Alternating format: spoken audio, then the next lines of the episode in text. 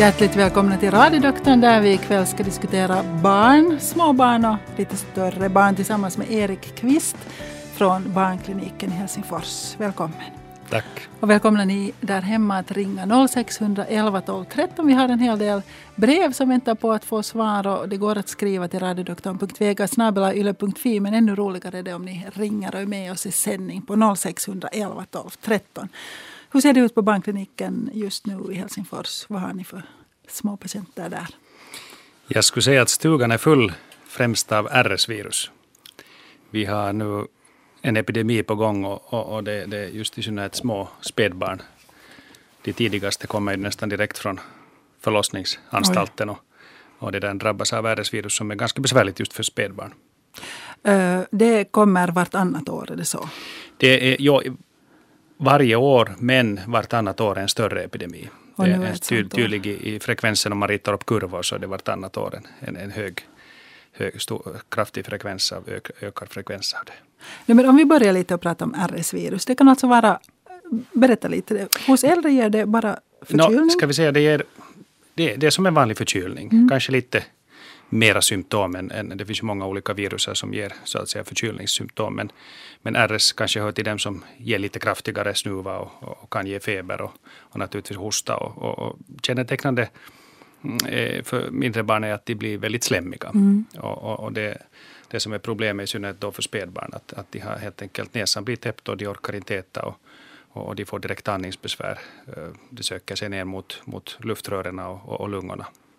Eh, och så om man har ett, var, var går liksom den där kritiska gränsen? Alltså den åldern när det kan vara direkt farligt. Hur, hur Det är man, nog egentligen hela spädbarnsåren, men kanske ännu det, det första halvåret. Så, så att ett barn som redan är över ett halvt år gammalt, trots att den då har en, en, en luftrörskatarr eller en, en begynnande lunginflammation, så klarar sig den lite bättre. Att, att halvår är nog en sån här ganska magisk gräns som eh, internationell rekommendation i, i, i litteratur och annat, så brukar man ofta rekommendera att ta in den på sjukhus om de har, har klara andningsbesvär och, och har, har RS-virus.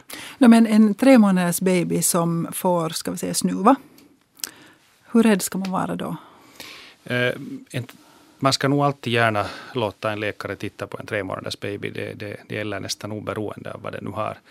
Att, att, att det är en ganska bra gräns också faktiskt, tre månader. Okej. Att allt det som är under tre månader så, så måste man vara lite extra alert med. Och, och i synnerhet om, om de har feber eller, eller annat. Men RS-virus också i synnerhet. Eh, Trots att den inte ger en lunginflammation så, så räcker det med att en, en två, tre månaders gammal baby så, så har, har näsan täppt helt enkelt och den orkar inte äta. Och det, det det. är ofta en tillräcklig orsak då att, att ha den kanske inne på sjukhus också. Mekaniskt rensa luftvägarna. Det är ju det att om de inte kan eh, andas med näsan så kan de ju inte äta heller. Nej, så är det nog. Ja, det är beroende precis helt av näsandningen. Ja. Det, alltså det kan ju vara helt livshotande för de här Det, det kan det. det, kan det. Man, man, man känner till att RS-virus kan ge till och med andningsuppehåll utan att det direkt hä- hänger ihop med att det ska vara så täppt av med slemmet. Att, att det, det vet man också. Så att, så att det är nog tyvärr, tyvärr en ganska allvarlig sjukdom för, för de allra minsta. Vad finns det ni kan göra åt dem då, när de kommer in? No, det finns ju ingen direkt eh, nå- någon medicin eller något som botar det, utan det är nog ganska mekanisk behandling. Alltså det man rensar luftvägarna och, och ger syre. Eh, Det är nog vanligen det. Sen finns det ju då förstås eh, övertryckssyrebehandling som man kan ge så kallade sådana CPAP-anläggningar då, då när det blir riktigt svårt. Men, men, det där, men det är nog den här mekaniska rengöringen av luftvägarna och syretillskott och sånt som man ger. Hur ofta händer det att de inte klarar sig? Eh, no, ska vi säga så här att no, nu just för tillfället så, så, är, så är nog sjukhuset ganska och oftast är vi tvungna att ta till extra bädd, bäddplatser just i en sån här epidemi. Och, och, och det betyder att, att man kan ju säga då klarar de ju inte sig hemma nej, utan då får du ha dem så att säga på sjukhus och det är nog ganska Men vanligt. de överlever? Jo, jo, alltså det, det, det, gör de nog. Alltså med, med, med adekvat hjälp så att säga. Mm. Men, så, Mm. men, att, men att eh, skulle, vi inte ha då den här möjligheten att, att sköta om dem helt enkelt så då, då, då skulle det kunna gå, kan, det gå på tok Mm. naturligtvis. För, för en del, men, men, men, men visst, visst gör de det ju. Så att bara man När de söker hjälp. Just Precis. Det, just det. Så att en, en baby som är under ett år och ännu mer om den är under ett halvt år Precis. och blir förkyld så kan man tänka att det kanske kan vara det här. Så ska man gå till en läkare och få den. Vilka symptom så ska man liksom ta ambulans till sjukhus. När är det? Nå, naturligtvis om, om, om barnet mm, faktiskt är dåligt i färgen eller, eller, eller så här så då får, får någonting riktigt svårt andningsbesvär så, så då naturligtvis ambulans. Men, men, men i övrigt så, så kanske ett bra tecken är ju på, på lindriga så att säga besvär är ju det att barn inte äter riktigt normalt. Att det, så ska vi säga att ett spädbarn som orkar som ammas och orkar äta eh, relativt normalt så då brukar det inte vara någon fara och färdig. Att den matsituationen är ganska känslig. Att den är ganska bra mått sådär åt en lekman om man ska ge något råd. Mm, det är bra. Eh, och sen ska vi komma ihåg liksom att en vanlig förkylning som vi kan ha, jag menar, man ska hålla sig borta från spädbarn om man är förkyld. No, det är just det att, att, att nu, nu går ju naturligtvis vuxna och, och, och, och äldre barn och så vidare som det nu inte är någon fara med det här. Det är ju besvärligt med förkylningar men att det är inte någon liksom på det sättet fara. Så, så det är klart, då smittar det ju ner de här små. Att, att man ska nog gärna vara väldigt försiktig och inte hå- hålla sig lite borta från de allra minsta i alla fall. Att, att, att, det där, så, att, att, födas just en sån här tidpunkt så är ju inte all det mest optimala. ja. Om man nu kan välja. Men att, Det kan man inte. Nej, det är just det. Nej. 0611 12 13 är numret hit och barnläkare Erik Kvist i studion. Och på webbdoktorn, svenska.yle.fi webbdoktorn finns en bra text om RS-virus som skriven av dig eller i samråd ja, Jo, av jag- jag dig tro det. Jo, för två jo. år sedan när det senast var en ep- stor epidemi på Just gång. det. Så gå gärna in och läs ni som eventuellt är oroliga att er lilla baby har det och sök hjälp om det om det verkar dåligt. Vi har ett brev som jag gärna skulle... Jag hade lite hoppats att vi skulle ha henne per telefon. Och om du som har eh, en son på ett år och tio månader som har haft sin andra eller tredje lunginflammation hör det här så du får gärna ringa hit 0611 12 13. Vi skulle gärna prata med dig men att om du inte ringer så ska vi se om vi kan hjälpa dig vidare ändå. Det här gäller alltså en pojke på, på då lite under två år som då mamma skriver har haft lunginflammation igen. Han avslutade penicillinkuren i måndags, alltså i förrgår. Första dosen fick han eh, IM intramuskulärt när CRP låg på 95. Nästa dag hade han CRP på 48 och vi fick börja hemma med eh, penicillin oralt, alltså i, per, i munnen. Han fick Citromax 2,5 milliliter en gång per dag i fem dagar och Kefexin 3,7 milliliter tre gånger per dag som han skulle ta i sju dagar. Han väger cirka 11 kilo.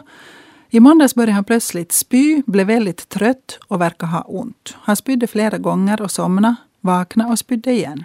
Uppkastningarna var små, inga stora mängder. Han blev gulaktig över hela kroppen. Vi får till läkare och man tog blodprov. Hon skriver barnrutiner men hon vet inte vilka prov som hörde dit. Och mamman frågade om den här gulheten men doktorn sa att eftersom ögonvitorna inte var gula så var det ingen fara. Nu är CRP nere på två. Men idag så upptäckte mamman att, att pojkens tunga är brungul längst bak. Ser ut som tungan hos en kaffedrickare. Och hon undrar om det här är någonting att oroa sig över. Och sen skriver hon att han är lite tröttare än vanligt och gnäller ganska mycket, verkar ha ont. Och han har utslag på vrister, mage och handleder. Vad säger du? Jag, jag skulle, som mamma skulle jag bli jätteorolig. Nej, det liksom- låter nog våldsamt. Eller här är ganska mycket symptom. Det kan ju vara, oftast är det ju när det blir flera antibiotikakurer efter varandra så oftast är det frågan om olika infektioner. Hemskt ofta när det gäller barn. Mhm. Att de, de, de, de får en kur för en, en åkomma och så kommer det en ny. Och, och, och tyvärr också ofta ibland nog virusinfektioner som man då kanske mera, mera då testar för att sköta med antibiotika som då inte har kanske effekt och, och barnet for, fortsätter att vara sjukt. Eh, jag skulle säga om de här, det är ju svårt nu, här, här är ganska mycket symptom, men de där utslagen är kanske viktiga om man tänker sig allvarliga utslag. Så det, det, det, det är sådana utslag som när man trycker på dem så, så, så försvinner det inte. Det vill säga, vi talar om, om blod, det närmast betäcker på medicinskt språk eller sådana blodutgjutelser. Att det, det är liksom mera blåmärken och och det, det är liksom allvarligare. Och då, vänta, du trycker ner Man- man och liksom sen släpper du upp trycker, då? Eller? Ja, just det. Man släpper snabbt upp. Och, och, och, Och om det, det inte- och om det är sådana här eh, oftast godartade utslag så de, de bleknar för, för Mm. den där korta bråkdels sekunden. Om det inte gör det, Så, så, då, är det, Så där- så, då är det allvarligare. vad kan det Då- då vara tecken på? No, ibland vissa bakterier, förstås blodförgiftningar och annat kan, kan ha, ha Okej. sådana, meningokocksjukdom är ju en sån typisk klassiker som här och, och, det där, och andra där du har små, små blödningar i kapillärerna och så vidare. Eh, Så att det, det är ofta en, sån här, en viktig sån allvarlig differentialdiagnostik, att man, man testar det där. Eh, Sen den gulaktigheten, så det att om inte ögonvitorna är gula, så det är då, då kan man tänka sig att det nog inte beror på en leveråkomma. Nej. För att båda de här eh, medicinerna kan väl ge leveråkommor? Jo, en hel del mediciner kan naturligtvis, det är nog visserligen sällsynt men, men det är möjligt. Så att, så att det här låter ju nog som den här barnet gärna skulle borde föras till en läkare i alla fall och, och visa upp sig nu om den har fått nya symptom och börjar må illa och, och kasta upp på nytt. Eh, Vi har ju nog tyvärr nu också magsjukor, det är alltid på vintern. Så det, det, det så att säga stökar ju till diagnostiken lite. Sen att när du har respiratoriska virus och andra sjukdomar så kommer det en magsjuka på ännu så kan du inte ta din medicin och, och, och, och det, det är svårt att veta vad som är vad. Mm, och sen kan du börja må illa av medicinen om Dessutom, den ja, precis, så det är magen. omöjligt att veta riktigt ibland. Eh, jag läste lite här på gula barn och, och då var det liksom just att om ögonvitorna inte är gula så beror det oftast på att barnet har ätit mycket morot. Ja, det känner vi till. Här mindre barn, i synnerhet spädbarn, så, så kan faktiskt vara så här gulskiftande i, i hyn. Och, och, och, oftast framkommer det ju att de har gett mycket morot åt dem. Att det, det är färgade karoten, eller är det nu karoten, men någon, någon färg väl- i, ja. i, i det där som gör att det...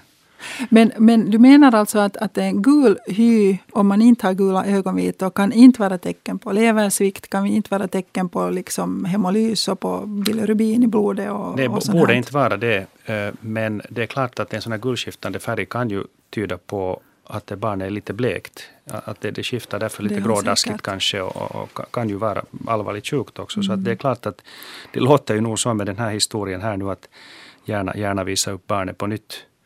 Hur är det med det, det här äh, eksemet? Alltså, hur stor är risken att det är liksom en, en allergi mot de antibiotikorna som sen kan bli till någonting allvarligt om de fortsätter att ta den här medicinen? No, va- vanligen de eksemerna som hänger ihop med, med, med antibiotika är ju ofta småprickiga utslag, eh, ibland nässelfeber. Eh, men tyvärr är det ju så att, att den typen av, av, av utslag kan komma också utan allergin i samband med infektionen. Och ska vi säga, de, I de flesta fall så, så visar det sig att där man har misstänkt antibiotikaallergi så är det ändå inte frågan om det. Då när man har varit tvungen att testa det sen, sen senare. Äh, och, men ska man då fortsätta, våga fortsätta? Tänk om det är en allergi? Eh, nu är det ju svårt att bedöma det eftersom det kan ju tänkas att det här barnet är i behov av den där antibiotikan. Den har en, har en sån bakterieinfektion. Så att, så att det kan vara, men, men i de fall man misstänker direkt en, en, en allergisk reaktion så, så lönar det sig naturligtvis att ta paus Mm. till, till, tills man vet. Den här brun, bruna tungan, vad säger du om den? Ja, det, nu vet vissa människor har ju lite eh, pigmentförändringar eller, eller, eller, och, och, och till och med håriga tungor finns det som är helt normala fynd.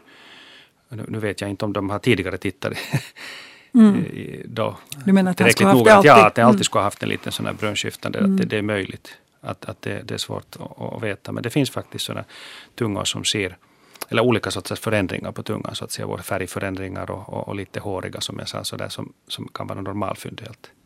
Vi hade någon lyssnare, alltså vuxen lyssnare för kanske ett år sedan som hade, om jag kommer rätt ihåg, så var det just liksom att tungan blev mörkbrun sådär ganska akut. Och sen liksom försvann det. Och det, det, det krävdes jättemycket detektivarbete att, att hitta en förklaring till. Och jag tror att det var sen just någon medicin det berodde på. Just som hade, precis som, som men gjorde att... jag försökte googla det nu men Ja. inte hittade jag heller någon, någon förklaring Nej, precis. Ja. till det. Men det tror du inte behöver vara oroliga över då, den här Nej, nej, kanske inte den saken. Nej. Nej. Vad ska de göra nu? Ska de åka iväg till, vadå, nu till Nå, sjukhus? om, om, om barnet, ja, om du nu lyssnar på det här så det är klart att om barnet nu inte verkar må bra, allmäntillstånd är nedsatt och, och i synnerhet om det har kommit feber på nytt och så där, så då skulle jag nog absolut jourmässigt nu redan uppsöka ikväll. Jo. Eh, Mår barnet nu relativt bra och inte har feber och, och, och, så då, då kan man säkert vänta till imorgon. Mhm. Men att gärna, gärna nog med den här historien så kanske lönar sig att kolla upp. Nå, om de väntar tills imorgon ska de ta kvällens eh, antibiotikatabletter. Det måste man göra i så fall, eller? Det skulle man väl nog nästan, det är ju svårt att veta. Det är ju naturligtvis omöjligt nu att veta om den här hudreaktionen är, är något tecken på allergi. Mm. Kan vi inte be dem åka till sjukhus? Ja, jag, no, jag skulle känna mig no, tryggare. no, om- ja, ja, jag, jag, jag sätter mig inte emot. Nej. Okej, bra. Nej, men jag Ja. hoppas att det här reder upp. Ja. Jag vet bara att skulle det här vara mitt barn så skulle jag åka Ja. iväg nu. Det är ju För oftast, säkerhets skull. oftast är det ju bättre så än att själv fundera och vara orolig och sitta så. Hellre, hellre åka en gång för mycket, en gång för lite. Jag menar och låta någon bedöma det. Och så, så är det. Ja. Så är det. Okej. Eh, ni har influensor också och ni har, uh, vad sa du, mykoplasma ja. Mykoplasma, ja.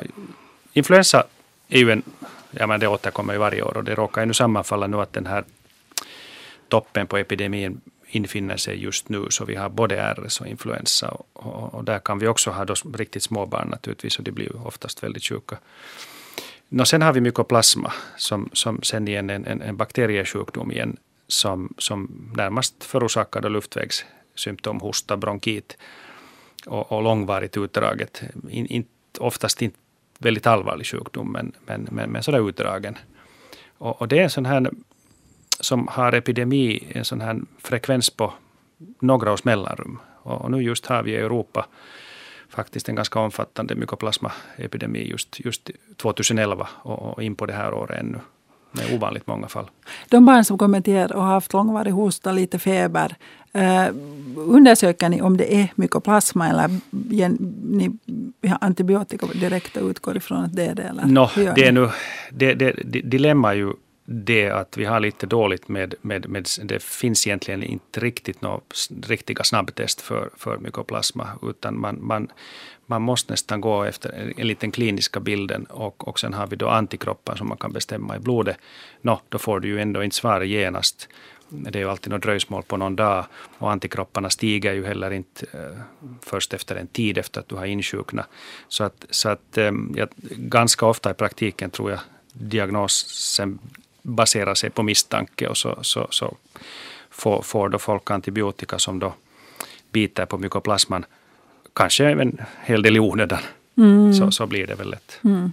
Eh, influensa, hur, uh, ska vi nu säga om vi pratar om ett barn under ett år som får influensa, när ska man föra det till läkare? Hur, hur, No, hur där snabbt? kommer ju den här, ju yngre barn är igen, och när vi talar om spädbarn och, och i synnerhet om, om de får, så influensans typiska symptom är ju hög feber. Och, och barn och vuxna är ju väldigt sjuka vanligen när, när den börjar. Och då, då, trots att det är en epidemi på gång så, så kan man ju aldrig räkna med att det nödvändigtvis just är influensa. Så, att, så att där ska man nog vara väldigt alert och ganska tidigt för att uppsöka läkare för att kolla då, för, för att säkerställa den diag, diagnosen. Då. Och, och, och det finns ju medicin att tillgå mot influensa som, som åtminstone dämpar symptomen Ja. om man börjar det tillräckligt tidigt. Eh, Så att, men att närmast är det ju det där att det är någonting annat. precis. Som- som- influensa, tar ni in dem till avdelningen? De flesta tas ju inte in på sjukhus, de flesta eh, sköts nog, sköts nog hemma, men, men, men kanske närmast just de riktigt små som, som får det, så, så de brukar nog vara väldigt sjuka. Och, och här igen, och innan man kommer fram till diagnos, diagnosen så, så, så får de antagligen en hel del behandling på olika tilltänkta möjligheter för att vara på säkra sidan. Och, och det där, och så att de tas ofta in, ja, riktigt små. 0611 12 13. Ring gärna och prata med oss. Här är en lyssnare som har ringt och via Barbro som svarar i telefon bett att du skulle berätta om matsmältningen hos treåringar. Matsmältningen hos treåringar. Nu vet jag inte tre- riktigt vad Nej, det är hon är ute efter. Kanske någonting om hur ofta en treåring borde gå på toaletten. Ah, det ska hänga ihop med det. Kanske. Just det, ja. No, så där generellt kan man ju säga att, att um, obstipation eller förstoppning är nog ett väldigt vanligt problem ho- ho- hos barn. Och, ofta ser vi ju det ganska diffusa symptom att barn äter lite dåligt och, och, och magont ofta dagligen. Och, och ska vi säga den allra, egentligen den allra vanligaste orsaken bakom de här magbesvären så är ofta någon form av förstoppning. Va, vad är förstoppning? När kallar man det förstoppning? Eh, Det är om, om, om avföringsfrekvensen är, är, är för sällan, om det är flera dagars mellanrum och, och, och att det förorsakar något besvär. Att, att den där naturligtvis tarmfunktionen kan ju vara individuell, är ju individuell. Men, men, men, men om det blir flera dagar emellan och i synnerhet oftast då sammankopplat med, med, med magont eller andra besvär så då, då, då, bruk, då, då anser man det vara så att säga sätter diagnosen för stoppning och, och anser det vara då ett problem eller som borde åtgärdas. Och vad gör man då? No, det är klart, väldigt viktigt är ju att barnen dricker tillräckligt för att, att tarminnehållet också ska innehålla, vara löst, så att säga. Det, det vätskeintaget är, är väldigt viktigt. Eh, naturligtvis kosten eh, och fibrer och, och, fibrer och, och, och, så här. Men eh, i praktiken vet man att, att de sällan räcker till, de här åtgärderna. Att, att de flesta barn och människor överlag nu väl ändå relativt hälsosamt. Mm. Att om det inte finns direkt, direkta felaktigheter i kosten så att säga, så oftast behöver man nog sen hjälp av, av, av något tillskott som, som, som lite ökar på den här, avhjälper den här tarmfunktionen. Hör du, nu gäller det faktiskt inte förstoppning utan det gäller tvärtom lös avföring. För jag, ah. jag fick lite mer information här. Kan läkaren berätta allmänt om hur tarmfloran anpassas till vår mat? Treåringen har lös avföring. Hur länge kan detta räcka? Måste undvika mjölkprodukter, dricka sojamjölk. Pappan är från Nigeria. Gammelfarmor är orolig. Jag tror att den lösa magen beror på, på faderns påbrå. Men nu vet jag inte om har då barnet flyttat hit nu och bott i Nigeria mm. tidigare. Mm. Hur får magen stadig? Just det. No, här, här rör vi oss igen naturligtvis på tarmfunktionen är ju individuell. Så, så att det naturligtvis vissa människor har lite lösare och barn också.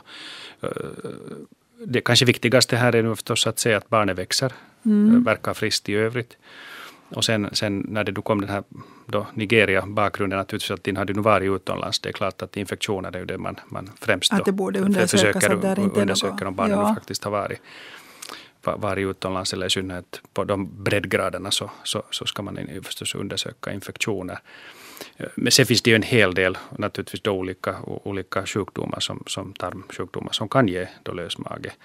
Eh, det där som mormor funderar på den här bakgrunden så det är klart att afrikanska befolkningen har ju nästan till 100 procent laktosintolerans i mm. något skede. Mm. Men det, en treåring, vanligen afrikansk treåring, tål ju nog laktos mm. också. Det försvinner ju vanligen sen med åldern. Men att de, de, de får det betydligt tidigare än, än, än, än okay. finska barn. Så det är någonting att fundera så, på. Så det är ganska många ja. saker egentligen. Som, men, att, men att de grundläggande sakerna är ju det, nog det allra viktigaste. Just att barnet mår det bra så att säga och växer barnet. Det är om man tänker på liksom allvarligare orsaker eller sånt som men tycker du att den borde undersökas? Då man borde ta en bakterieodling? Nu tycker och... jag ju om, om, om barnets eh, tarmfunktion är faktiskt klar, klar diarré och, och, och, och är klart avvikande eller en förändring från tidigare mm. så, så visst ska det undersökas, jo absolut. Hur är det annars med om man inte hittar något fel så, så hur är det med mjölksyrebakterier? Kan eh, jo, det, det, det brukar nog, det är nästan så idag att de flesta ger mjölksyrebakterier mm. åt sina barn.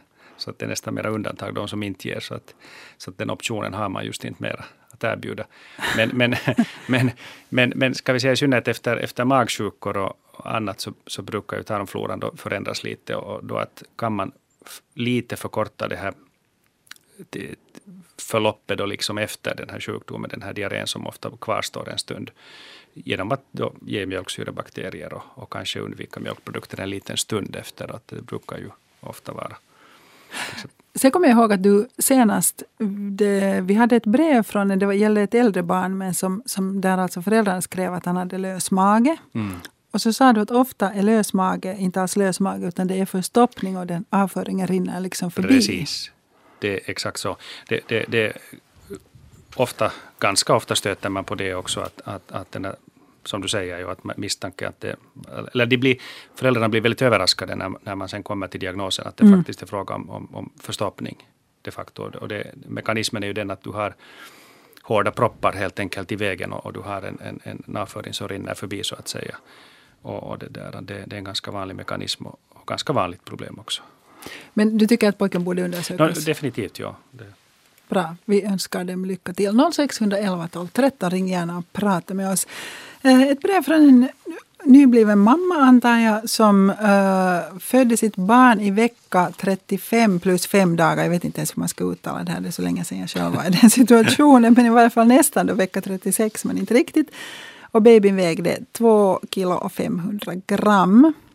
Och mamman undrar om babyn borde få något tillskott förutom D-vitamindroppar. Hon har hört om något som kallas keskostipat. Eh, 2500 gram är det en prematur? Behandlas det som Ja, en prematur? Det, där magiska gränsen är oftast just det där 2500 traditionellt som har använts. Eh, ska vi säga, en fullgånget barn är ju då jämna 40 veckor alltså. Ja. Eller, eller då två veckor.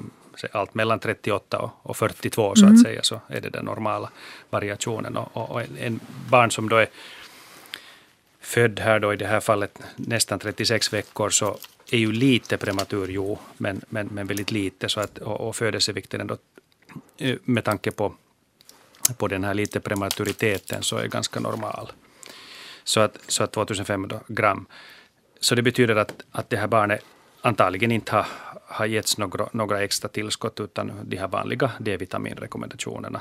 Eh, det som det här keskostippas så det, det då innehåller eh, A-vitamin, E-vitamin, B12 och folat som, som man anser då att, att prematurer behöver åtminstone mm, kanske en månad eller fram tills att de ungefär är full, skulle vara fullgångna så att säga. Och, och en annan sån här tillskott som man, som man ger prematurer är ju järn. Så att de Just det, och järn, borde den här babyn få järn? No, antagligen där är samma sak, den här att den har varit så pass ringa prematur och, och vikten, den här magiska vikten, två och ett halvt kilo här precis just på pricken, så, så, så, så då har man antagligen ansett att den inte ska behöva. Eh, Nu är det ju, eh, om det här är väldigt, nu en tid sedan det här barnet redan är fött så att säga, så, så, så nu hänger det ju då på att, att, att eh, har det här barnet nu hurdan tillväxt har det och nu och, mm. och, och har det ane- anemi eventuellt nu så, så, så om det har rört sig så att säga på där på gränsen så, så då kan man ju tänka sig att det ändå skulle behöva åtminstone järn. Men, men det, det måste Mm. man ju då kolla upp.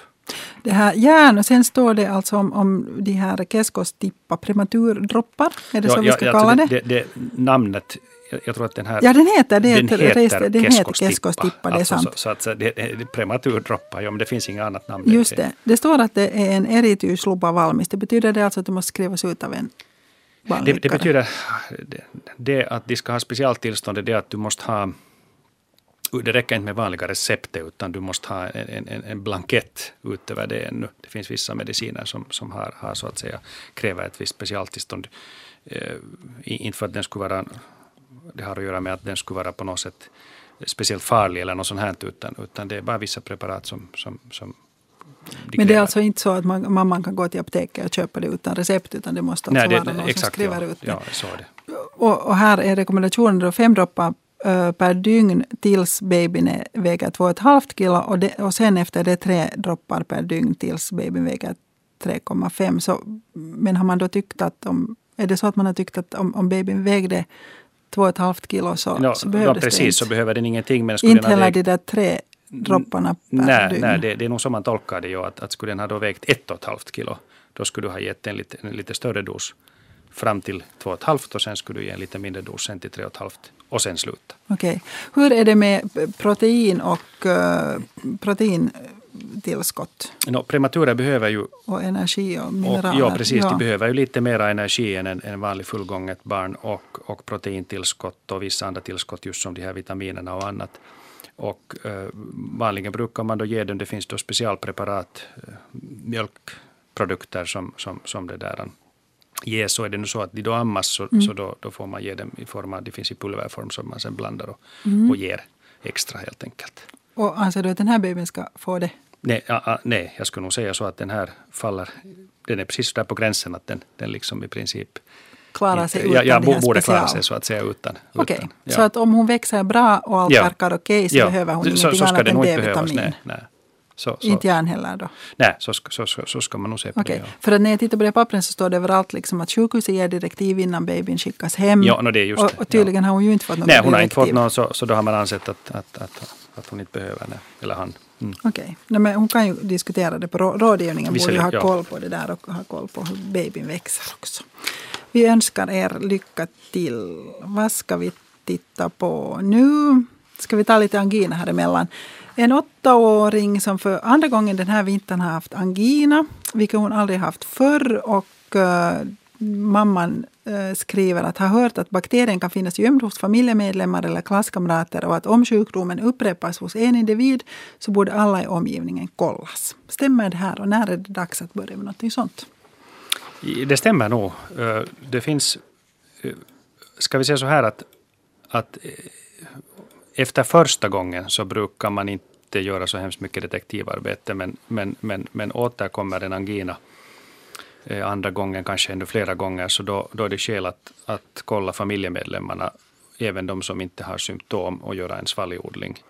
Och sen behandla alla för, för det kan finnas de i familjen som går och bär på det. Ja. Och naturligtvis själva kanske utan symptom men, men, men smittar ner övriga familjemedlemmar.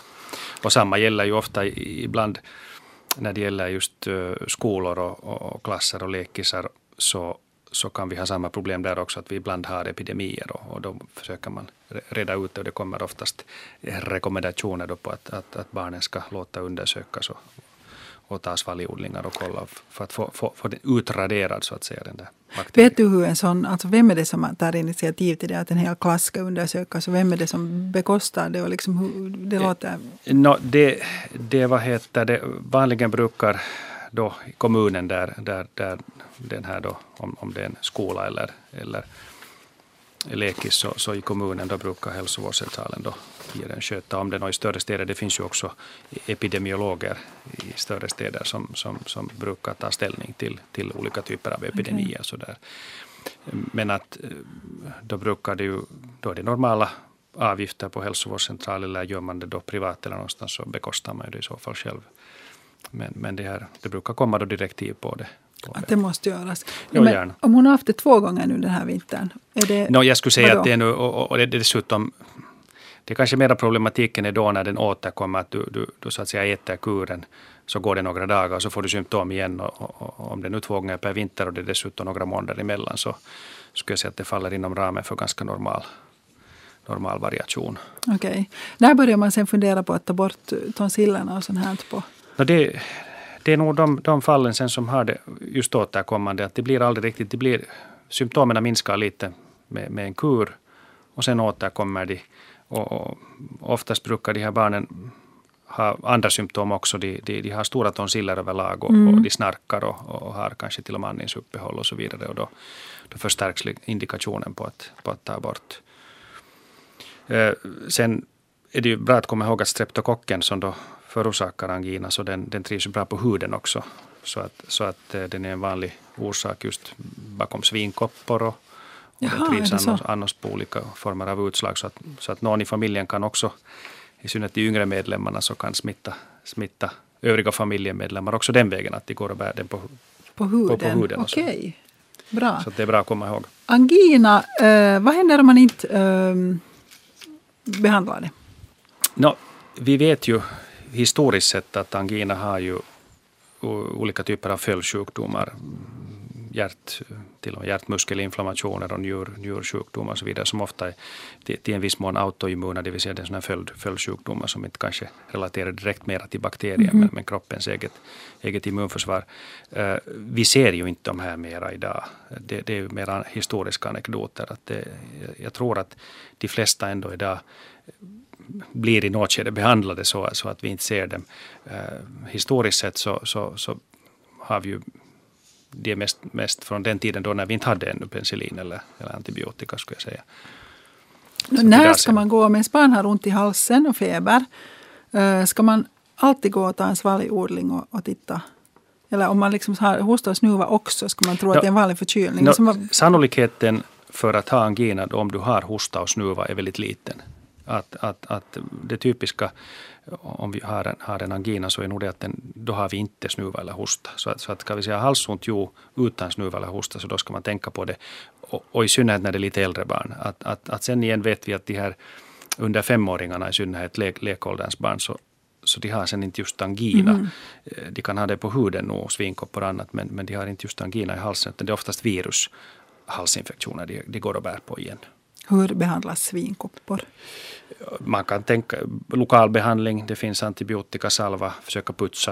Eh, men att sen blir det nog också ibland om den är väldigt omfattande så, så blir det antibiotika då. Tabletter. tabletter mm. eller mixtur då. Mm. Ja. Hur, eh, när jag var liten och hade angina så sades det alltid att man har vita prickar i halsen, vilket jag ju själv har sett också, de här liksom mm. vita beläggningarna. Men, men man, kan, man, man behöver ju inte ha det. Man, inte nödvändigtvis nej. alltid, oftast är det nog jo, svullna tons, tonsiller. och, och halsmandlar och, och, och, du, har, du har prickar där. Men oftast kan det vara också en sån här ilsket röd, röd, röd gumbåge och, och, och hals överlag. Att, att det är inte alltid nödvändigtvis riktigt typiska sådana prickar heller.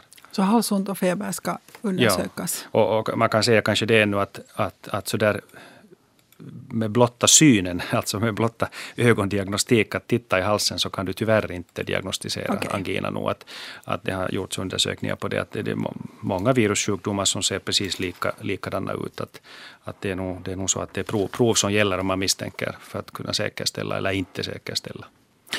Um, ett brev från en trebarnsmamma. Hon skriver små tösen födda januari 08, maj 09 och januari 11. Under tiden eh, januari 09 till juli 2011 bodde vi i Estland. blev en hel del resor upp till Österbotten och nästan varje gång fick vi sjuka barn. Också om vi reste till Sverige kom vi hem med sjuka barn. Det var enormt mycket sjuka, de var enormt mycket sjuka under Estlandstiden. Magsjuka och öroninflammationer mest. De två äldsta fick adenoider i näsan bortopererade där. Så flyttade hem till Finland i juli förra sommaren och barnen har varit relativt friska. Inga inflammationer tills vi för någon, någon vecka sedan åkte en vecka på återbesök till Tallinn Eh, blev småförkylda redan där och dagen efter hemresan startade rumban igen. Vi har spytt, haft hög feber och är riktigt flunsiga. Lillan, Lillan har sin första öroninflammation och äldsta ligger på sjukhus med lunginflammation, RS-virus. Bara mannen det är bara mannen i familjen som håller sig frisk. Han reser förresten till Estland nästan varannan vecka. Och hennes egentliga fråga är, finns det någon förklaring till detta eller är det bara slumpen som gör att en resa så ofta har betytt sjuka barn? Mm. Eh, jag skulle säga att det viktigaste faktorn är säkert åldern på barnen. Och, och, och det att de var väldigt sjuka just under de första levnadsåren. Så, så vi vet ju att, att barn, barn under de första säg nu tre levnadsåren så, så, så i snitt har ju mellan, allt mellan en fem, tio kanske infektioner per år. I det är ganska häftigt. Och, det är ganska mycket och, och, och, och vissa barn är ju ganska friska, så, så det betyder att, att, att en, en, en annan part så att säga står för då en ganska stor del av dem, det vill säga är sjuka mest i ett, alltså en gång i månaden säkert. När ena infektionen försvinner så kommer den nya. Och, och, och, och sen när vi har flera syskon dessutom så, så smittar de nog ner varandra.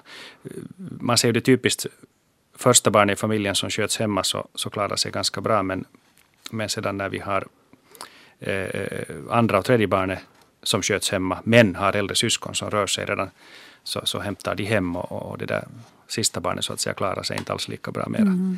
Att, men nu har de varit friska sen förra mm. sommaren, trots en ny liten baby, efter att de flyttade till Finland. Ja, så att månne inte slumpen. Vi har ju ett begrepp som, som, som recidiverande och, och vissa barn har väldigt mycket, mycket infektioner och det är klart att vissa sen har um, då benägenhet för öroninflammationer, att, att, det, att de får en, en, en virus luftvägsinfektion så får de då alltid en öroninflammation med och det, det alltid blir ju då mera eh, utdraget och mera symptom och så vidare. Och, och, och det är en sån här vad ska man säga, individuell benägenhet som, som, som det där då vissa har. Sen ofta föräldrar frågar ju ofta då att, att kan det, eller blir oroliga om det är något fel på, på, på immuniteten eller immunförsvaret mm. hos, hos, hos, barnen. Men att direkta fel eller brister i immunförsvaret som, som leder till infektioner, de är väldigt sällsynta. Det, det, det ska man komma ihåg. Och, och, och ska vi säga oroväckande är kanske egentligen endast, endast i de fall där du har Mm, Mm, barn som har allvarligare infektioner. De har svåra bakterieinfektioner, återkommande bakteriella lunginflammationer, bakteriella urinvägsinfektioner, blodförgiftning och så vidare. De är en sån grupp som, som vanligen brukar utredas sen vidare med tanke på immuniteten. Men, men, men, men de flesta som har då närmast just virus, luftvägsinfektioner, så de brukar nog ändå, trots att de undersöks, ha, ha en helt normal immunitet. Att Uh, nu antar jag att en del av de här resorna har liksom skett i egen bil, utgår jag ifrån. Men till exempel Sverigeresor, jag menar på de här på flyg och på mm. båtar. Är det nu inte så att det är en massa smittor som cirkulerar Det är klart, om du har människor, människor tätt in på varandra i ett slutet utrymme så, så ökar ju det, det är ju typiskt ser vi ju det i synnerhet eh, vad heter det, med, med unga män i armén. Mm. Det, det, är då typiskt epidemier som bryter ut där det är väldigt, väldigt slutna, där alla är tätt in på varandra. stora, stora Jag tänker mig att om de liksom när de bodde i Estland och när de har bott här, om de liksom mest är hemma, sin egen familj. Och sen när de reser, dels kanske då på Mm. Precis. båtar och dels kanske jag vet inte, jag hade- en känsla när mitt barn var liten att varje gång vi åkte till Stockholm så blev han sjuk. För att det liksom alltid, Ja. det, det var, är ju smittor. Jo, jo, Men det är du- klart. du Det är klart. Ja. står i Ja, ja. hissen tillsammans med Jo, jo. 20 andra människor. Som, Visst, visst. Att jag, menar, ja, jag tänker mig att kanske man rör sig på andra ställen. Men du har inte annars någon förklaring till att... Inte, inte har jag annars någon förklaring där. Att jag skulle säga att det nog rör sig, som sagt slumpen är alldeles utmärkt ordval här nu. Hur är det med um, sömnbrist och liksom om du är stressad och har sovit för lite, liksom att infektioner bryter ut lättare då? Jag tänker mig någon resa där liksom Mm, barnen mm, kanske inte just det, ja. sover som de ska. Pre- Precis. Det, det, finns ju, det, det är ju svårt att undersöka. Det finns ju väldigt lite forskning på det där området. Men, men, men jag tror att ingen sätter sig emot teorin om att, att de här sakerna har betydelse för, för individens immunförsvar. När, när det gäller liksom hur, hur infektioner bryter ut. Just stress eller sömnbrist Mm. eller, eller, bristande föda naturligtvis. Sådana saker. Att, att, att det, det tror jag nog. Men det, det är svårt att, att liksom sätta de där eller de där mekanismerna bakom Ja, det. just det. Mm, mm. Uh, luftkonditioneringen på båtarna är fruktansvärd, hälsar en lyssnare. Och det är det säkert nog. Och som det kan vara roligt att åka med dem. Sen är här en uh, morfar och farfar som undrar, är det helt normalt att ett finländskt barn tycker om och äter oliver och mår bra? Magen fungerar bra, borde man få barn att äta mer oliver? Annars äter barnen helt normalt. Etikavavva brukar det kallas. Här som äter ättiksgurka och Ja, oliver. ja, det och- finns och vissa barn. Alltså, de flesta barn tycker inte om eh, normalt sett sånt som är väldigt starkt eller, eller just sy, syrliga ättika eller så där, och, och oliver. Och. Men vissa, vissa gör det och inte, inte ser jag något hinder i att de äter det. Det är kanske närmast det som man kanske får vara lite försiktig att vissa sådana här produkter är ganska salta. Att, att, Ja. att det, det kan vara ett sånt här som man tänker på, på hälsorådgivning, Mm. att, att inte få för mycket salt i sig så att säga. Men, Men, annars men, men inte, annars det är nog svårt att... oliver hälsosamma. Mm, just det, annars anses det ju hälsosamt. Så, ja. Och sen en lys- en hälsning från en lyssnare som säger att en av streptokocker, o- en, en av streptokocker orsakad angina kan också finnas hos familjens hund. Om anginan upprepas kan det finnas orsak att också kolla hunden och behandla den med antibiotika. Eh, ja, jag har, jag, jag har faktiskt inte kollat upp det där hos veterinärerna, men, men, men det där, jag, jag har hört det där själv. Och, Ja. och, men men så jag, jag kan inte faktiskt svara på det. Är, är, är det hur, hur, hur vanligt problem det nu är, de facto om det, om det återkommer. Det, det kan jag inte svara på. Nej. Men kanske kan Men- men- löna men- sig att hålla Jo, jo, i minne. Ja, 0611 12 13. Vi diskuterar små patienter tillsammans med barnläkare Erik Kvist. Och ni får gärna vara med oss per telefon 0611 12 13. Um, en fråga från um, en bekymrad mormor som skriver Mitt barnbarn, en pojke på 10 år, tränar och spelar fotboll fyra till fem gånger i veckan. Han är späd och har alltid brukat äta små matportioner men han äter all slags mat. Jag tycker nu att han är alltför mager. Han var tidigare lång för sin ålder men är det inte numera. Och frågan är, kan en alltför intensiv träning göra att man inte växer så som man borde? Jag tycker själv att de flesta barn idag är jätte, jättesmala. Jag är säker på att skulle jag vara mormor så skulle jag tycka Mm. att de är alldeles för magra. Men mm. Va, vad säger du om hennes? Eh, alltså, frågan är berättigad. Eh, det, det är klart att det är ganska egentligen enkel matematik. Det, det vill säga det, tillväxten och, och, och är ju beroende av energimängden, det som, det som du får in så att säga. Och sen i andra ändan så, så hur mycket barnet sen rör på sig så, Mm. så gör den sig av, av med, med, med energi. Och, och den här balansen då så att säga kan, kan vara lite på, på mindre sidan och, och, och- gör ju att, att barnet då kanske, det finns ingen helt enkelt extra energi att lägga på hullet heller. Mm. Eh, Och längden är också... Ja, om, om barn, alltså, barn som är överviktiga blir ju ofta långa också. Det är inte ja, så. det, det har delvis, det hänger ihop lite Mm. med hormonella Okej. balanser också och annat, men att det kan vara lite, lite längre än genomsnittet om du har lite övervikt. Men, men här skulle jag nog naturligtvis, det, det att om, om längden nu avtar hos det här barnet, så, så det är ju klart att det är någonting som måste utredas. Att det, det är det mera oroväckande om, om, om, om längden, Mm. så att säga, inte, inte, inte följer med. Mm. Så, skulle du skylla på det lilla matintaget och den myckna träningen då eller skulle du börja leta efter några andra orsaker? No, det är just, jag, jag skulle nästan nog titta på det där matintaget i så fall. Att, att det är nu bra att barn rör på sig. Så att, så att, så att det, där, det tror jag inte. Att då, då förbrukar ni energin, det är ju helt klart. Men, men att kolla då eh, matintaget och, och, och, och, vissa sådana barn som då faktiskt behöver mycket energi så behöver inte alltid vara så hälsosam den kosten så tillvida att, att det kan innehålla lite extra olja och mm. lite mer, mera fett och sådär. Mm. För, att, för att den där förbrukningen är så pass stor. Okej. Okay. Uh, jag funderar, alltså innan barnen kommer i puberteten och, och börjar skjuta i höjden. Det finns ju en sån här växt, mm. sån här när de växer jättemycket. Är det inte så att före det så stannar de lite upp också? Den har ju lite sån här variation, ja, tillväxten i, i, i såna olika perioder. Som inte, inte är så stor, men, men, men den där slutliga, sen stora tillväxten kommer ju sen där vid puberteten förstås. Och, och, det där, och, och då behövs nog du behöver nog barnet väldigt mycket mm. energi och, och, det är mycket annat också. Kalkbehovet är väldigt stort hos tonåringar och, och, så vidare för att bygga upp benstommen och annat. Så det, och, och, om, idag talas det ju mycket om, om, om D-vitamin mm. i synnerhet och att, att människor får för lite mm. D-vitamin på våra breddgrader. Mm. Äter du D-vitamin? No, jag måste nog erkänna att nej, nej men, men, jag kanske borde göra det. Ja, alltså, det är nu så att alla borde ju äta det nu. Ja, mm. ja, så att.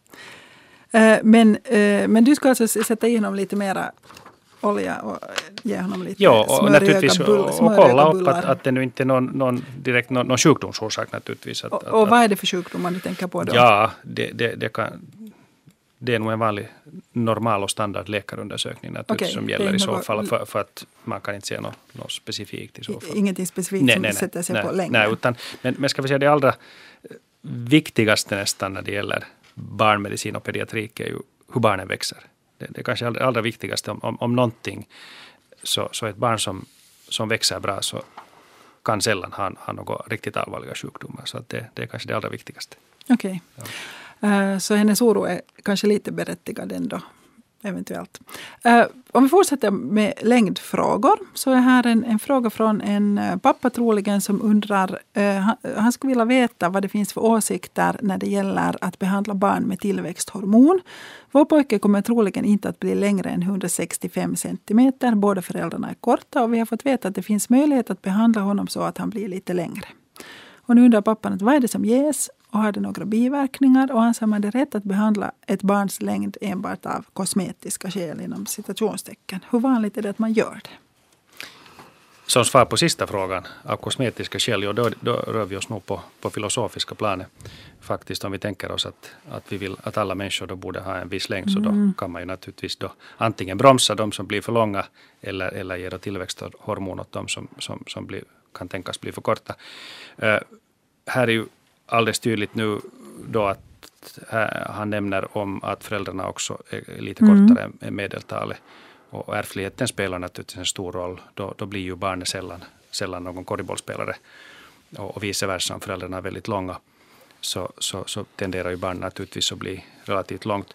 Så att, så att det vanliga avvikande mönster är ju, är, ju, då i så fall om, om föräldrarna skulle vara långa i det här fallet och, och barnet då mm. är kort, då är det naturligtvis viktigt att, att utesluta sjukdomar igen som, som då kan påverka längdtillväxten. Vad pratar vi, alltså celiaki till exempel? Ja, no, celiaki är, är, är ett, ett, ett, bra exempel på, på en sjukdom som oftast till och med kan upptäckas via tillväxtkurvorna. Ja. Till och med innan, innan det ger väldigt mycket andra symptom. Att man ser en avstanning i, i längdtillväxten. Att det är ganska, och ganska vanligt, den har ju ökat, ökat också. Så att, så att det, det är sånt som man brukar sålla ganska frekvent nu för tiden.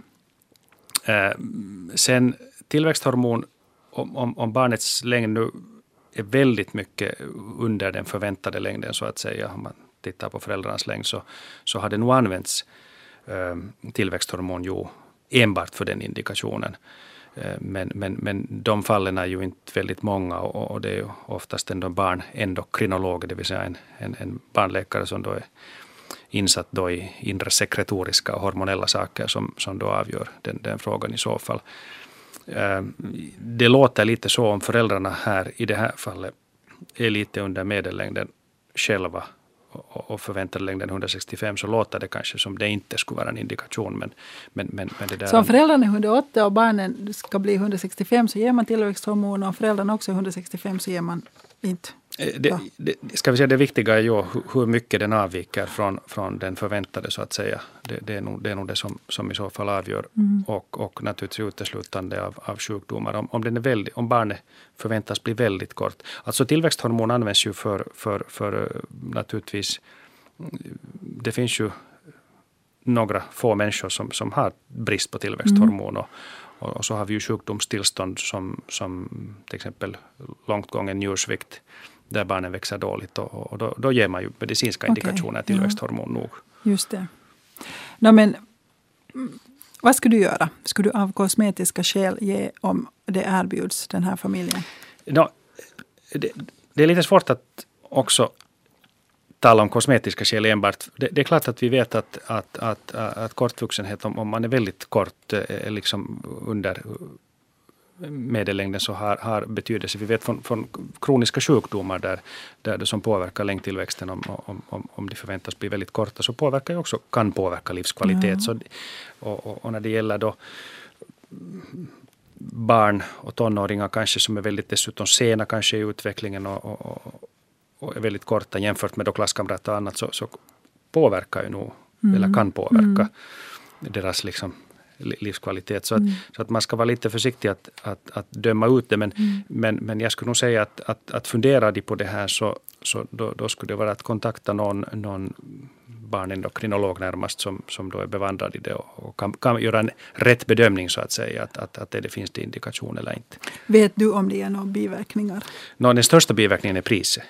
Det är okay. väldigt dyr behandling. Så, att, så, så man så måste betala själv då? No, i, i, i, vissa fall vet jag att folkpensionsanstalten även i sådana här fall, om det rör sig om, om av okänd orsak väldigt kraftig kortvuxenhet, så kan, kan, kan bidra. Men, men, men det är nog från, helt från fall till fall.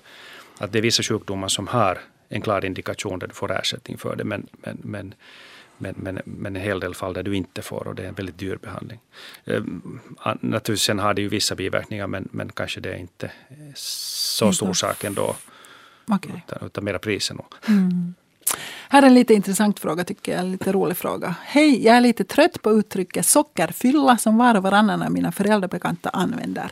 Det vill säga att barnen om de får i sig mycket socker blir väldigt vilda. Själv tycker jag att jag aldrig har märkt någonting sånt på mina egna barn och jag har någon gång hört förklaringen att den så kallade sockerfyllan kommer på barnkalas, julaftnar etc. När barnen ofta har fått i sig mer socker än vanligt och att föräldrarna därför skyller på sockret men att livligheten i själva verket beror på att det är en rolig och lite spännande situation. Om ni har tid skulle det vara roligt att höra en barnläkares åsikt. Vad säger barnläkaren? Jag skulle nästan vara benägen att hålla med den här nyfikna mamman att sockerfylla nog är en myt. Eh, eh, det, det, det, finns faktiskt inga, åtminstone har jag inte stött på något vetenskapligt belägg där man faktiskt har försökt undersöka det, att man liksom med sockerbalansen och, och, och, och att det skulle hänga ihop med, med barnets beteende.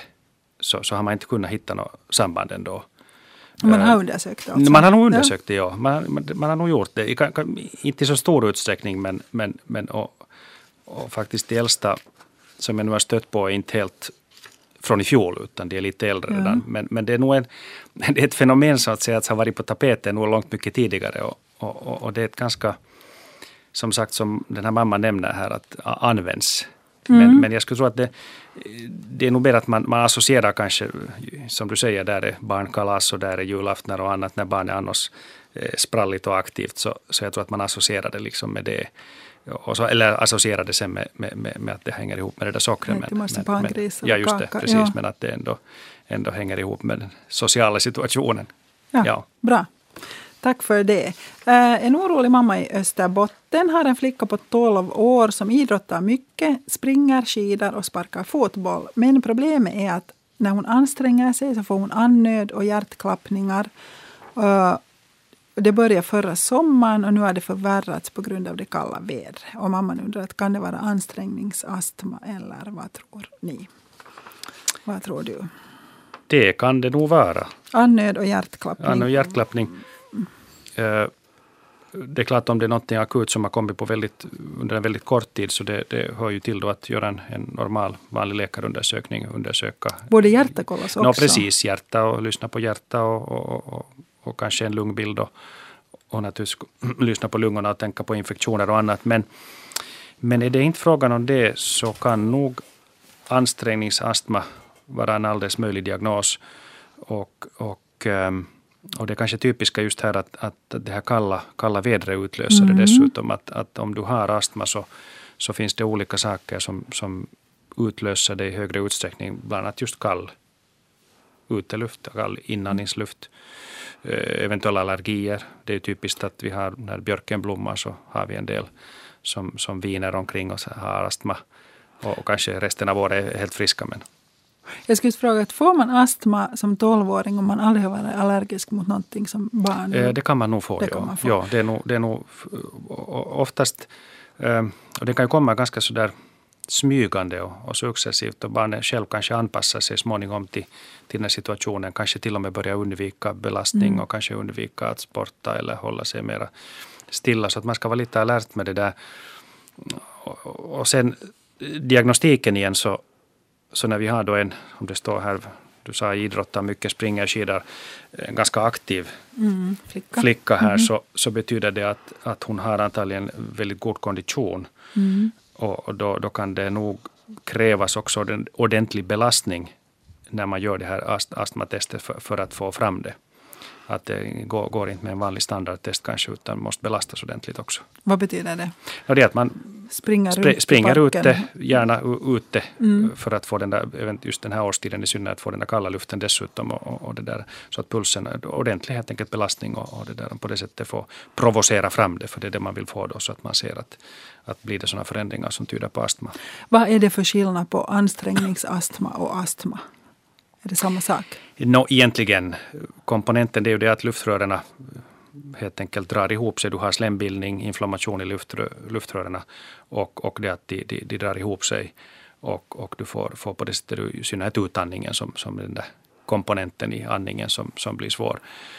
Och ähm, som kan du ha då olika saker som utlöser det. Som sagt då ansträngning och då kallar man det, om det nu oftast är frågan om ansträngning som hos den här personen då ger de här symptomen, så alltså då kan man kalla det bara för ansträngningsastma. Men, men, men oftast kan det då både vara ansträngning, det kan vara som sagt någon allergi eh, eller, eller ingenting alls. Infektioner är ju vanliga när det gäller de mindre barn i synnerhet. Som, mm. så, så det är de infektioner som utlöser det. Hur behandlar man det då? Kommer hon att kunna fortsätta spela fotboll, och springa och skida? Det brukar nog. Vi har ju toppidrottare som, som har astmadiagnos mm. och, och, det där. Men, men, men kan nog kräva eh, astmabehandling jo, för att, för att, det där, kunna, att lungorna fungerar och andningen fungerar i ett sånt skick att man orkar springa. Ja. Eh, men, så hon borde nu gå till en läkare och kolla hjärta och mm, En vanlig ast läkarundersökning, jo. Och börja med det, titta sådana här helt vanliga saker som att inte hon har anemi eller något annat. Jag skulle som, säga no, att anemi kan ju ja, ge både anö ja, exakt, exakt. Så såna helt ska vi säga basala saker mm. måste, måste ju kollas först. Men, men, men hittar man ingenting på det så då är nog en, en, en astmatestning säkert skäl att göra. Okej, okay, bra. Då går vi vidare. Um, jag um, ska bläddra lite i mina breven som ni har skickat in. Om det är någon som vill vara med på telefon så hinner ni ännu 0611 12 13. Um, när mitt barn var litet så lärde jag mig att om, om ett, barn sätter, ett litet barn sätter i, i halsen och alltså inte får luft så ska man he, he, hålla det upp och ner och skaka det i fötterna. Och för att få bort det här mm. som den har satt i, i, i, halsen. Och det här, så diskuterade jag det här med en akutläkare en gång som sa att vet du, det funkar nog inte. Tänk dig vad den här köttbiten väger. Att inte har den en sån vikt att den liksom kommer ut därifrån av sig mm. själv. Och jag vet att vi någon gång pratade och du sa att du har sagt åt dina barn att till exempel sega köttbitar så behöver ni inte äta, mm. att lämna mm. dem hellre på ja, tallriken. precis. Istället för att snurra runt med dem i munnen och, och, och, och det där, så, så är det lika bra att, att, och det gäller väl kanske alla de facto. Jag menar, om, hellre då spotta ut en försynt mm. trots, trots fin middag. Mm. Uh, uh, jag tror att rekommendationerna du, du talar ju om den här första hjälpsläkaren, att, att på något sätt dunk, småbarn vanligen försöka få dem nog så att huvudet är lite mer neråt, men få, få dem över benen, ligga på knä ja. och, och, och smälla på ryggen. Ja. Det är vanligen det man gör med, med mindre barn. Okay. Man får ta ganska kraftiga tag också. Mm. Det, det, är liksom meningen att man ska öka på, på trycket i, i bröstkorgen så att, så att det, där, det trycket gör att, att det här då, vad, vad som nu är där, då, kött eller något annat, det liksom, som sitter fast där, så, så med lufttrycket då kommer ut. Instinktivt så, så så gör man ju kanske just så här som du säger, att man, ett litet barn, att man hänger i fötterna mm. och skakar. Men att, det, det, är säkert så, men det här är nu det som rekommenderas. Sen har vi ju den så kallade Heimlich-manövern mm. som, som lärs på första hjälpkurser, som nog väl anses mera ska besparas för, för vuxna och större barn i så fall. Att där, man, där man då... Vad gör man då? Man, tar man liksom ställer sig bakom patienten så att säga. Och tar om och, just och, under tar om, tom, tom, tar om mellangärdet ja. under revbenen och, och, och, kraftigt drar in, in, in, in mot där, där strax under, under bröstkorgen. För att åstadkomma just detsamma, att man åstadkommer ett, ett tryck helt enkelt i bröstkorgen som sen ska... Varför skulle man inte kunna göra det på barn också? Då? Eh, i, i, jag, det kan, jag, jag tror att risken jag vet inte helt exakt, jag funderar på det själv, att, att, att vad det egentligen oftast, det, oftast det är ju klokt att försöka ta reda på var, varför vissa vilken bakgrund de har, att har, har, har det relevans eller inte. Men, mm. men det kan tänkas att, att, att man kan åstadkomma skada med mm. det. Jag, jag, tror att det är helt enkelt mm, det. Och jag tror att det också kan vara det att om du har ett litet barn så, så det att du smäller den på ryggen så, så kan tänkas ha precis samma effekt. Men, men, menar du är en 70 kilos karl eller 80 kilos karl så får du, kan du ändå inte göra det. Jag menar, det finns inte alternativ ens. Så, att, så att det där, det Lägga sin farfar över knä och nej, klappa honom i ryggen. Ja. Uh, men, men de är ganska kritiska de här situationerna. Det finns liksom en orsak till att man inte ska prata med mat i munnen. Och, ja, men det, det, ja, ja det absolut. Eller, eller springa med någonting i munnen. Eller, eller, eller, eller, eller för, för, att det är klart att det, det är ju naturligtvis otur det är frågan om. Mm. Jag, jag menar kroppen är ju byggd på det sättet att, att struphuvudet, om, om det kommer någonting där så sätt, gör det reflexmässigt, går det ju fast och så vidare. Men, men det är otur mm. att, att det råkar sån, sån, sån timing att det sätter sig på fel ställe så att mm. säga. Något.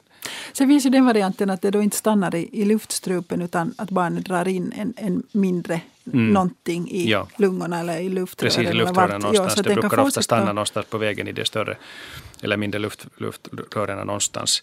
Och, och, och det, det, är då alltid frågan om någonting som, som, som nog förorsakar problem. Att om du har någonting som inte ska vara där så att säga. Oftast är det ju frågan om några små plastdelar, leksaker eller sånt här. Det är det klassiska. Och det, där, det förorsakar nog alltid någon, någon infektion där. Och, och då är liksom förloppet det att när barnet sätter det i halsen så, så hostar det till. Mm. Men sen kan det liksom verka friskt. Sen kan det verka Sluta friskt, hosta ja. för då har det gått ner exakt, så långt exakt. det Och sen småningom så, så kan det bli... Naturligtvis råkar det nu sen att det kommer så ner att det täpper till till exempel ena, ena huvudbronken mm. så att säga. Alltså att den ena lungan är ur spel så, så märks det nog naturligtvis på andnöd. Men mm. barnet klarar ju sig nog. Man klarar sig nog bra en längre tid bara med ena lungan tills, tills man då får, får bort det så att säga. Att det är det kritiska just när det gäller sådana riktigt akuta, det är att det, det täpper till hela infarten hela, så att säga. Ja. ja. men om, om barnet drar in, uh, hur många sådana har du sett liksom, som dragit in plastbitar i inte det, inte det väldigt vanligt ändå, ändå trots allt. Uh, det, det, det, men men, men det, det är ju så att, att, att på alla, alla vad heter det, leksaker så finns ju de här brasklapparna där med att, mm, att, barn, att du ja. ska inte ge det till under Man får inte ge någonting under Egentligen inte när det, det finns allt. Så att visst, visst, man ska vara försiktig med det. Men att, uh, sen finns det ju Sen finns det ju andra vägar att barn kan, det är kanske vanligare att de, att, att de inte far i luftvägarna utan att de sväljer de här ja, sakerna. vad gör man då? No, no, oftast behöver man inte göra någonting alls. För, för att oftast äh, även, även vassa saker och, och, och, och besvärliga saker så kommer nog naturliga vägen. Att det enda undantaget är vissa då om de har svalt något frätande. Just det. Eh, närmast just de här, här små elektronikbatterier.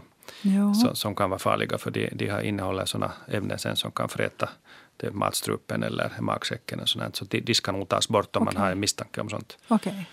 Uh, och, men om de sätter någonting i, i något luftrör så så det ger då liksom vadå, lunginflammation efter ett tag? Eller syns det, det gör det, ja. ja. Efter en tid nog så blir det en, en, en lunginflammation där och något, något problem, ja.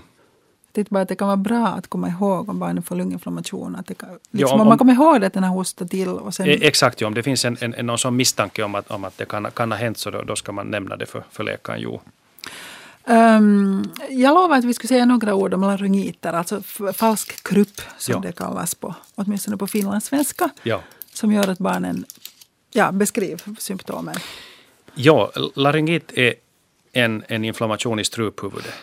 Och, och, och den, den, Är det någon speciell bobba som, som förorsakar det? eller? Ja, det, det är egentligen nästan i de flesta fall så är det, det, är det fråga om ett virus. Det är vanligen parainfluensavirus. Det är en benämningen, hur, hur nära släkten är med, med vanliga influensavirus kan jag nu inte uttala mig om, men, men namnet parainfluensavirus, det är det vanliga.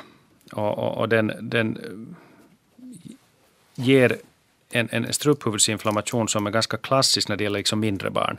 Alltså för äldre och, och vuxna så, så förorsakar den ofta heshet, eh, torr hosta, kan vi säga en mera vanlig, lite halsont kanske. Men, men det klassiska är de här lekålderns barn som får en sån här inandningssvårighet som är ganska typisk. eh, Man kan jämföra den det är en ganska bra beskrivning om, om, om man har varit på Kolmården eller, eller Särkänniemi hade väl sådana sälar. Sjölejon. Sjö, sjölejon, ja, som ja. har en sån här, sån här lite hes, hes, hest ljud, sån här väsande. Så, så, så det, den beskriver ganska bra Ja. vad det är fråga, frågan om. Och, och, och, och har man hört det, och just den där hostan som är så, här, nå- något sådär skällande, Skällande, ja. att, att den är väldigt klassisk, att, att har man hört det en gång så, så känner man nog igen det. Och då får barnet svårt att andas. Precis, kan, kan få svårt Kan att andas. få- Alla får mm. ju inte, finns det olika svårighetsgrader. Att, att till och med ibland så kan barnet få så svårt att andas att, att, att de blir intagna på sjukhus Mm. också. Jag skulle fråga, att kan man dö av det? Nå, ne, nej, nu, nu ska man väl säga, eller nej skulle jag nog svara. Det är klart allt, allt, allt under solen är möjligt, men, men, men, men nej. Det, det, är nog en, det, det låter värre än vad det är. Men det är obehagligt för barnet Men, men väldigt också. obehagligt. Ja. Och, och, och barnet kan nog ha tungt att andas och, och vara ganska medtaget och så vidare. Och sen kan du ha feber eller inte ha feber, men, men den här andningsbesväret är det mest klassiska. Och vad gör man då? Nå, som första hjälp kan man faktiskt eh, andas in kall luft. Det vill säga, det, tur nog så brukar de här större epidemierna oftast vara typ på hösten när det är lite rått ren i luften och kanske på våren lite kallare. Så att, så att det är att öppna fönstret och, och gå ut på balkongen eller gå riktigt ut och, och andas in luften. Så, så den kalla luften i synnerhet, så, så den dämpar den där svullnaden i, i, i luftstrupen. Och, och, och ganska klassiskt är det här att, att barnet har varit ganska medtaget hemma och så, så, så när de kommer till jourpolikliniken så är barnet helt symptomfritt. Och de har suttit, med andra ord, Det varit ute och suttit i en kall bil. Och, Ja, ja, och, och, och sedan, sedan när de kommer fram så är symptomen borta. Ja. Och det är ganska typiskt just för, för, för laryngiten att, att de symptomen kommer ganska hastigt och, och försvinner hastigt. Jag hör ingenting i mina lurar, men jag hoppas den här sändningen går ut. Ja, det hörs. Bra, okej. uh, kall luft, hur är det med ånga? Ska, man- är det någon idé att börja med ånga efter den kalla luften eller ska man... Det är nog vanligen den här kalla luften som är effektivare än, än, än typ varmånga Okej. om man försöker åstadkomma det. Så att kall luft är nog, är nog det. Och, man och sen kortison har en viss effekt. Ja. Och, och, och, och det där. Och Alltså sen, vadå, kypakkaus? No, typ, typ det ja, ja. Det är klart man, så allmänna råd är ju att man inte ska missbruka något, man äter, äter kortison för, för det ena och det andra. Så att, så att, men men på, på ska vi säga sjukhus, polikliniker och så vidare så använder vi ganska ofta kortison. Mm. eh, Om det är liksom omfattande andningssvårigheter. Och, och så finns det vissa såna inhalerbara mediciner som lite dämpar också. På, på. Men det, om, om man har ett barn som har återkommande laryngiter och har svårt att andas, är det här mediciner man kan ha hemma och ge själv? ska vi säga, sådana allmänna rekommendationer att i hemmabruk äta kortison så där utan att man diagnostiserar det så kanske inte att rekommendera. Mm. Och det så. är an, andningsbara så, Så, kan så man då, inte då kan man inte heller riktigt ge Okej. hem. Att det är nog nästan enbart den där kalla uteluften. Ja. Och eh, eventuellt då en hostdämpande eller eh, dämpande hostmedicin. Eh, De har ju inte lite sådär ur mode också för att de, det är ju symptomatisk medicinering som nu inte alltid heller hjälper mot hosta. Men det är klart att är den där hostan smärtsam och så, där, så kan man ju prova. Ja. När ska man sätta in tillväxthormoner? I vilken ålder? Oftast är det för sent när de har kommit i puberteten. Man upptäcker det inte alltid i tid. Den här lyssnaren har en pojke som har vuxit långsamt. Han var, har varit på två, minus två i tillväxtkurvan, men rådgivningen har inte reagerat utan man har tänkt att han växer i fatt. Mm. Är det så och när är det för sent? Det, no, det som det relaterar lite till det här vi tidigare mm, pratade om, men, men oftast är det, för att få en ytterligare bedömning på det där, så brukar man oftast eh, göra en benåldersbestämning, det vill säga man, man tar en röntgenbild av, handen. av, av handen oftast och, och jämför det med, och då har vi en, en, en, en, en skala så att säga med, med, med normalbilder från olika åldrar som man jämför med och får en uppfattning om att, att, att hur förhåller sig det här barnet. Och det vanliga är ju det att, att, att de flesta är så att de växer att de har en långsam tillväxthastighet helt enkelt. Att de nog kommer att ta ifatt men de är lite efter i tidtabellen. Mm. Och, och, det här kan man just då, då reda ut just med, med hjälp av den här röntgen. Så att, så att är det någon som är kraftigt efter i tillväxten så, så ska man nog reda ut det. Och det här är ett sätt. Och så finns det andra, andra då, labbprov och annat också förstås utesluta sjukdomar och så vidare som, som nog måste göras. Så att, så att, så att vi ska, och, och det är alldeles riktigt ja, att, sen, sen om man när det gäller behandlingar och så vidare så ska man då försöka vara lite framförskjuten så att man, man liksom är i tid. När det gäller, och det är just det att, att mm. det, ibland kan det då hända ju att, att man är då lite sent ute och det, det stämmer. Uh, förutom celiaki, vad finns det annat för sjukdomar som kan göra att ett barn inte växer ordentligt? Och egentligen alla mer eller mindre kroniska sjukdomar kan, kan på något sätt ha, ha relaterat i tillväxten. Eh, och, och det, och det är kanske därför som, som jag just nämnde om att, att det är kanske den allra viktigaste mätaren som, som, som vi har att följa med ett barns tillväxt. Att, att nästan mm. i princip alla kan, kan, man säga kan, kan påverka okay. längdtillväxten. Um, en, ett brev från en ensamstående mamma med en 12-årig son som ännu inte har kommit i puberteten. I höstas fick pojken en inflammation i förhuden med rodnad, svullnad och någon slags sekret. Han har inte haft sådana problem tidigare och den läkare de gick till eh, var en utländsk och svårförstådd urolog som utan att göra något bakterieprov kollade att förhuden gick att dra tillbaka och skrev ut en antibiotikasalva. Och den här salvan har tidvis hjälpt men han slutar med den så kommer inflammationen tillbaka. Sen har han också på en allmänläkares inrådan provat en svampsalva och använt de här turvis och inflammationen hålls under kontroll men jag har en känsla av att det aldrig blir riktigt okej okay och han kan väl inte fortsätta med salvor resten av livet. Och nu skulle hon vilja veta att hur ska sånt här skötas? Borde man ta en odling? Hur ofta och hur ska förhuden tvättas och hur ska vi få bort inflammationen helt? Och vilken slags läkare borde vi vända oss till? Och skriver att som kvinna vet jag inte så mycket om sånt här. Nej. Ja. Uh, det, uh, det vanliga felet man man ofta gör. Jag vet ju inte hur det är i det här fallet nu, men, men, men, men det gäller liksom när det gäller barn.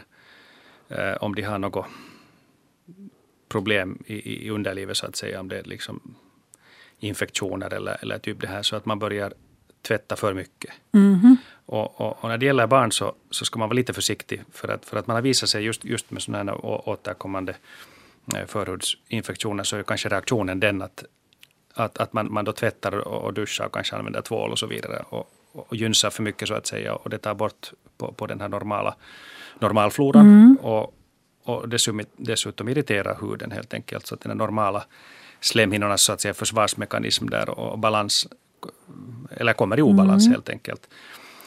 Så att eh, det är en viktig sak att, att man i det här fallet också kollar att, att inte, inte pojken, att inte, inte för mycket och vad är för mycket? Hur, mycket? hur ofta ska det?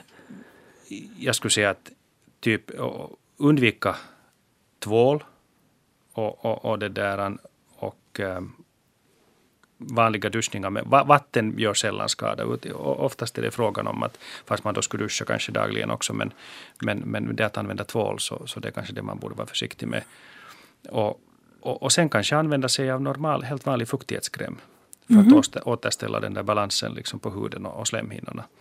Att, att, att svamp till exempel så är, är väldigt ovanligt egentligen. Att, att, att barn har inte, oftast misstänker man det, men, men normalt sett har de inte gästsvamp eller andra svamp mm. sådär just på underlivet. Det, det har de inte. Och, och, och det där ibland naturligtvis då bakterieinfektioner, men då är det nog som den här första läkaren då ordinerar just man brukar ordinera oftast antibiotikasalva, oftast typ, typ ögondroppar eller ögonsalva som, som används för det här ändamålet. Men, men jag skulle säga att för mycket tvättning, ja, så kan det hända att man, man liksom hamnar i någon cirkel mm. lite. Och, och, och, helt vanlig bassalva skulle kunna fungera precis lika bra som alla de andra salvorna. Att okay. det lönar sig. Att, vem man nu sen skulle uppsöka, jo, no, kanske en, en hudläkare skulle kunna vara den, ja, den, den, rätta mm. i så fall. Okej, okay, bra. Nu måste vi snart börja sätta punkt, men vi tar en sockerfylla fråga här. Hörde när ni pratade om sockerfylla och jag har en 16-årig pojke som är snudd på besatt av att dricka Coca-Cola. Det är bra att det inte är energidrycker åtminstone. Vi har en känsla att de flesta mm. 16-åringar är besatta av att dricka energidrycker. Jag vet, vet genast när han har druckit kokis. Ren en liten flaska gör att han pratar på som om han skulle ha druckit alkohol. Vad finns det annat i läskdrycker, framförallt kokis, som gör att han blir berusad inom citationstecken? Ibland är det snudd på kusligt att se hur kraftigt han reagerar. Koffein finns det åtminstone i kokis. Det är det. Det kan tänkas vara koffeineffekten nog. Och det är kanske den som när det gäller just energidryckerna i synnerhet så finns det ganska ordentligt med koffein och andra ämnen som, som, som nog har en uppiggande effekt. Så, att, så det är ju en sån här lite modefluga och dessutom någonting som man har varit lite orolig över. Mm. Eh, men den här kokisen, ja, så, så kan nog tänkas vara den där, den där koffeineffekten Koffein. skulle jag tro nästan. I så fall. Kokain finns där inte som min mormor alltid påstår som det någon gång i tiden lär ha funnits. Ännu en fråga innan vi sätter punkt. Vår son som är nio år har varit sjuk flera gånger under de senaste månaderna, det vill säga från augusti till februari. Symptomen börjar med huvudvärk och feber. Väldigt snuvig är han och näsblod har han ofta. Hostan kommer in i bilden senare. Han har nu ätit en penicillinkur äh, eh, igen, amoxicillin och svalgodling har tagits som var negativt. Han är väldigt täppt i näsan på morgonen och nu har han denna gång också haft lite ont i öra. Behöver vi vara oroliga om detta kan vara allergiskt symptom eller har han bara annars fastnat i virusträsket? Kan tillägga att vi vistas ute mycket men att aptiten hemma inte alltid är vad mamma skulle önska sig. Frukt går ändå bra hem. Vi äter D-vitamintabletter och äh, strattabletter. De är bra. Det håller vi på med också. Ja. ja. Allergi eller bara infektioner. No, det är klart att har, har man återkommande eller är väldigt täppt i näsan eh, eller har eh, näsandningen fungerar dåligt så, så kan det löna sig naturligtvis att en öronläkare också tittar och tar ställning till den där, hur den här näsandningen fungerar. Och det är kanske ovanligare men det, ibland har vi polyper och, och, och, det där, och vi kan ha stora adenoider och, som försvårar näsandningen och, och det där allergier. Så att, så att det kan vara skäl att, och det finns ju då lite mer specifik behandling för dem så att säga. Men, men, men virusträsk är ju... Och, ja. Mm, mm. Nu är det ju så att, att, att i det här fallet också så, så vi har ju nog så mycket av de här infektionerna, i synnerhet virus och i synnerhet dessa epidemitider, så att det är nog så att det den ena avlöser den andra. Att det är egentligen konstigt att man inte insjuknar ännu mer än vad man gör sist och mm. slutligen. Mm. Man tänker mycket det finns. No, det har du rätt i. När min son var nio, när han gick på trean, så hade han i mars, så räknade läraren ut att sen jullovet så hade han varit i skolan fyra dagar. Just det. det var i ja. mitten av mm. mars. För han mm. liksom, ja, han, han liksom, den ena grejen avlöste den andra. Han var en dag i skolan så blev han sjuk på nytt. Det igen, ja. mm. Så att, efter det har han varit ganska frisk. Ja, och, sen, han, liksom, och det är perioder kanske om, om, om, om att du har haft en, en frisk, längre frisk period och, och, och, kanske sen när du stöter på det här så är du tvungen att gå igenom så att säga de här infektionerna innan du uppnår den där immuniteten. Och den kan för vissa komma lite senare. Att de flesta i dagens värld när de är på dagisar och annat i väldigt tidig ålder så, så brukar det ju vara de där första åren men att ibland kanske någon så skjuter på det lite. Ja. Nej, men vi hoppas att han blir friskare efter det här. Och D-vitamin är säkert bra. Risto, om du skulle kunna flytta Ankis inslag så att vi sätter på det nu här när vi sätter punkt i radiodoktorn som nästa så är det kiva. För nu ska vi börja avrunda, tror jag. Tack Erik Kvist. Är det någonting du vill tillägga eller är det Nej, jag är nöjd. Jag är tack. också jättenöjd. Tack ska ni ha. Tack alla ni som var med. Tyvärr inte per telefon, men fick en massa trevliga samtal. Och en del av er ringde och pratade med Barbro. Om en vecka så är jag på sportlov med radiodoktorn rullar på som vanligt. Kira Schröder sitter här då och har fysiater Tom Kandolin som gäst. Och då kommer de framförallt att prata om ryggverk och nackverk och vad man själv kan göra Eh, eventuellt då med hjälp av en fysiater eller en fysioterapeut för att slippa rygg och nackont. Ring dem gärna om en vecka eller skriv den nu till radiodoktorn.vegasnabelayle.fi. Um, ehm, ännu här, vi sätter alltså punkt för radiodoktorn men vi sätter inte punkt för medicinska frågor riktigt ännu. Vi ska eh, stifta bekantskap med något som heter reiki-behandling. Det är Anki Westergård som har sökt förebyggande hjälp för sin vårtrötthet och besökt en reiki-terapeut.